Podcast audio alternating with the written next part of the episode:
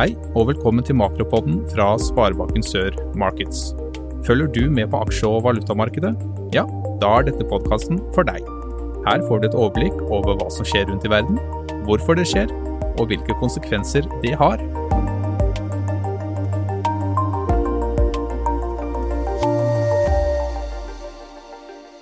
Ja, da sier vi vel møtt til en ny makropod fra Sparebanken Sør Markets. Nå er vi kommet til oktober, og eh, i dagens makropod skal vi høre litt om eh, at det fortsatt er en hard kamp for å få ned inflasjonen. Og hvor går da renten de neste månedene? Det er et eh, av de store spørsmålene. Klarer sentralbanken å få inflasjonen ned? Det er litt lys i enden av tunnelen, tror jeg. Så får vi håpe at ikke det er et møtende tog isteden men vi tror jo at det er lys i enden av tunnelen. Økonomiene ser ut til å være sterke, de ser ut til å tåle renteøkninger, men nå begynner også veksten å avta noe. Så vi skal høre om hvordan situasjonen er både i USA, i Kina, i Japan, i Europa og her hjemme i Norge. Og så skal vi se på hva vi tror når det gjelder renteutviklinga og den økonomiske utviklinga framover. Men la oss begynne lengst øst. Kinas økonomi og utfordringer er veldig, fortsatt veldig stor usikkerhet om utviklinga i kinesisk økonomi.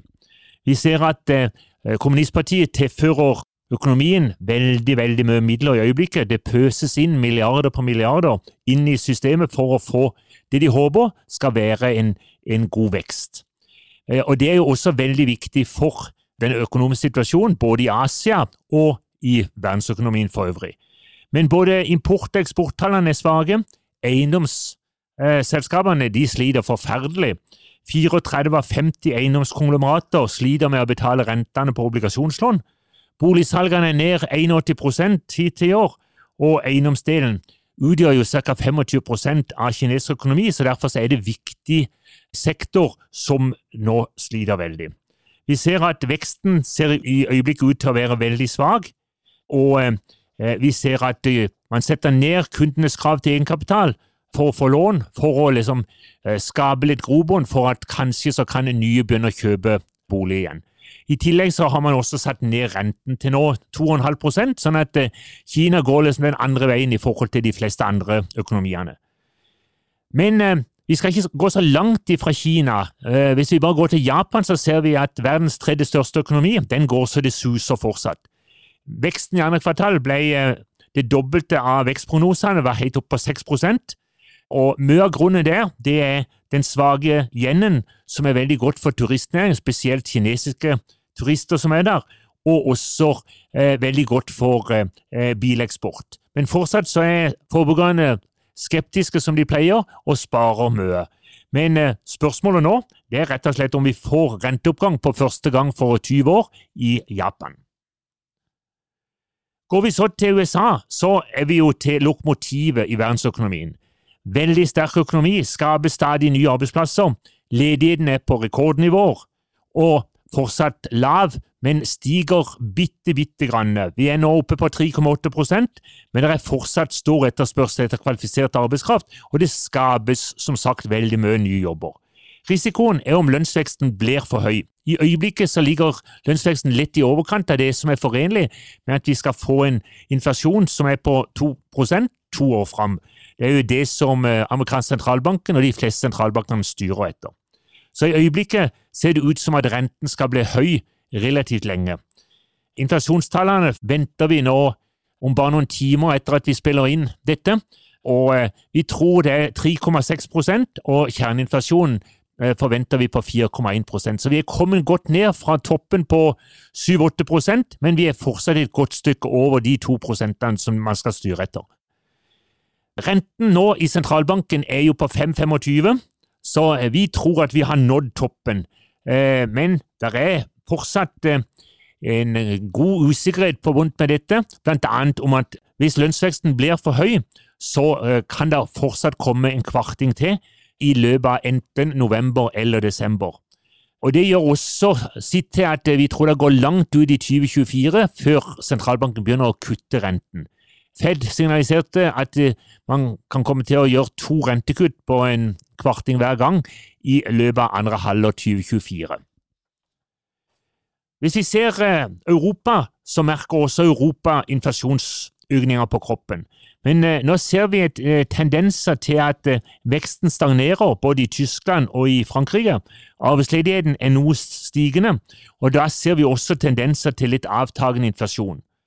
Men også her er det langt ned til 2 ECB satte opp renten også med en kvarting nå i, i september, og det betyr at vi nå er på en sentralbankrente på 4,75, og dermed er vi fortsatt høyere enn den norske sentralbankrenten. Mange av oss eh, analytikere tror at dette er toppen, og at eh, vi får kanskje første rentenedgang eh, i tredje kvartal 2024. Men, og det er et viktig forbehold, hvis veksten nå avtar raskere enn det vi forventer, og som vi kanskje kan se noen små tegn til, så kan vi få rentenedgang i eurosona allerede gjennom første halvår 2024. Og Da er vi kommet til Norge, og vi ser at arbeidsledigheten her hjemme er jo veldig lav. Vi er nede på 1,8% Det er jo omtrent det samme som 3,8 eh, i USA, av at statistikkene er litt forskjellige, men eh, det betyr at det er null arbeidsledighet. Septembertallene når det gjaldt eh, inflasjonen, var jo veldig gledelig, langt under det som både Norges Bank og de fleste analytikerne hadde forventa.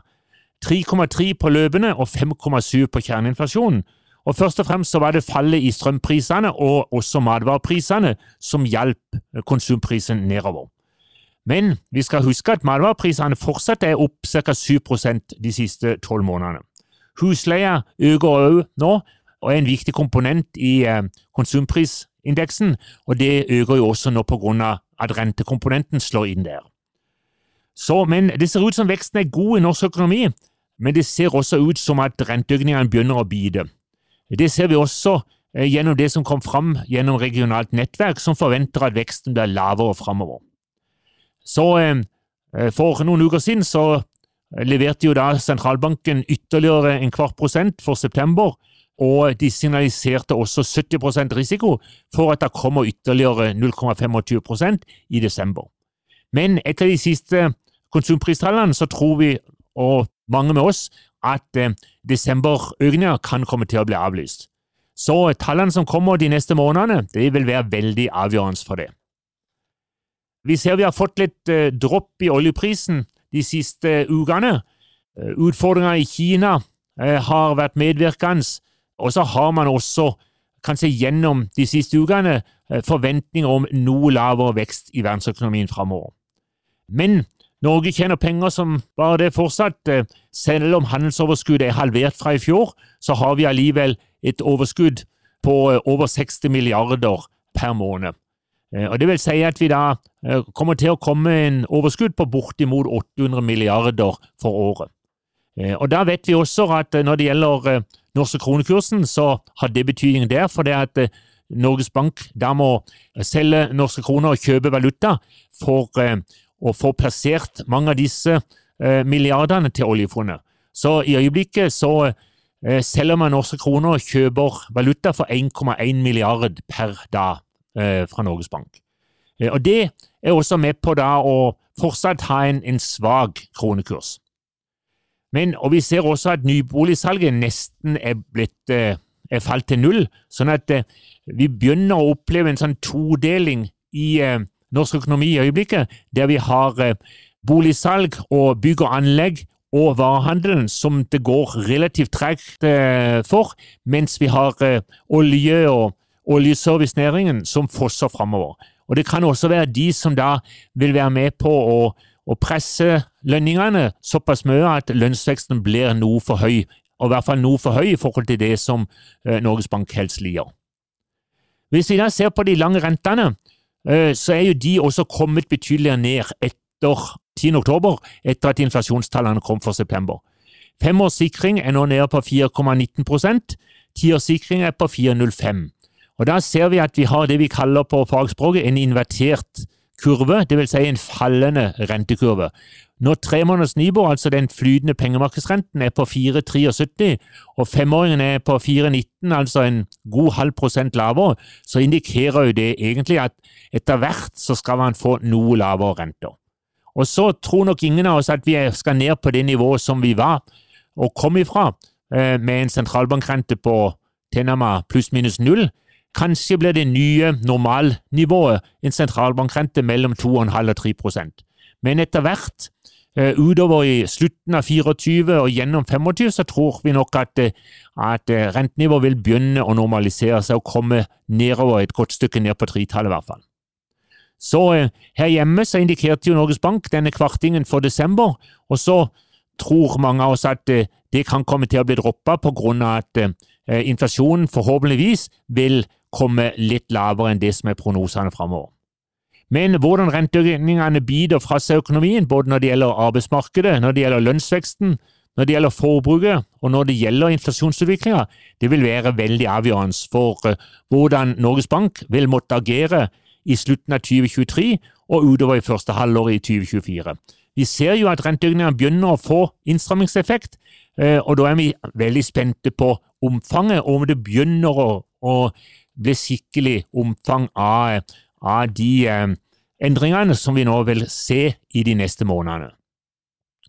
Eh, hvis vi ser på eh, forventninger om både flytende renter og lange renter, så tror vi at flytende renter holder seg omtrent på dette nivå et godt stykke ut i 2024, mens de lange rentene fortsatt vil falle noe mer.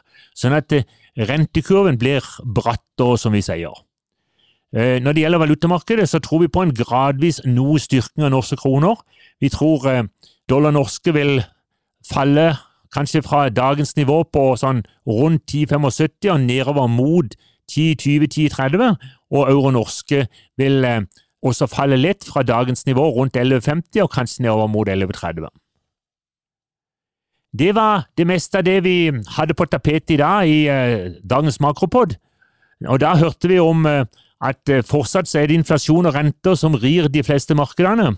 Inflasjonen kommer nedover, men fortsatt er det langt igjen til det nivået som eh, tilsvarer sentralbankens mandat på 2% om to år. Men vi ser lyspunkter, både fra USA, og vi ser også lyspunkter når det gjelder at inflasjonen kommer godt ned i Europa, og vi ser litt lyspunkter også på inflasjonsutviklinga her hjemme. Så spørsmålet blir egentlig hvor lenge vil de høye rentene eh, vare? Eh, vil vi komme langt ut i 2024? Det tror vi, men eh, spørsmålet er hvor langt kommer vi fram til sommeren før det begynner å kutte, eller må vi vente helt til neste jul før man begynner å kutte på renten? Så hørte vi også om hvordan situasjonen er både i USA, Kina, Japan, Europa og her hjemme, og så så vi på hva vi tror når det gjelder renteutviklinga og den økonomiske utviklinga framover. Det var alt fra Sparebanken Sør Markeds i denne omgang, og da høres vi om ca. en måned. Takk for oss. Du lyttet nettopp til Makropodden fra Sparebanken Sør Markets.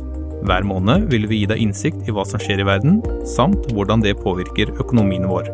Flere episoder finner du på sol.no slash makro.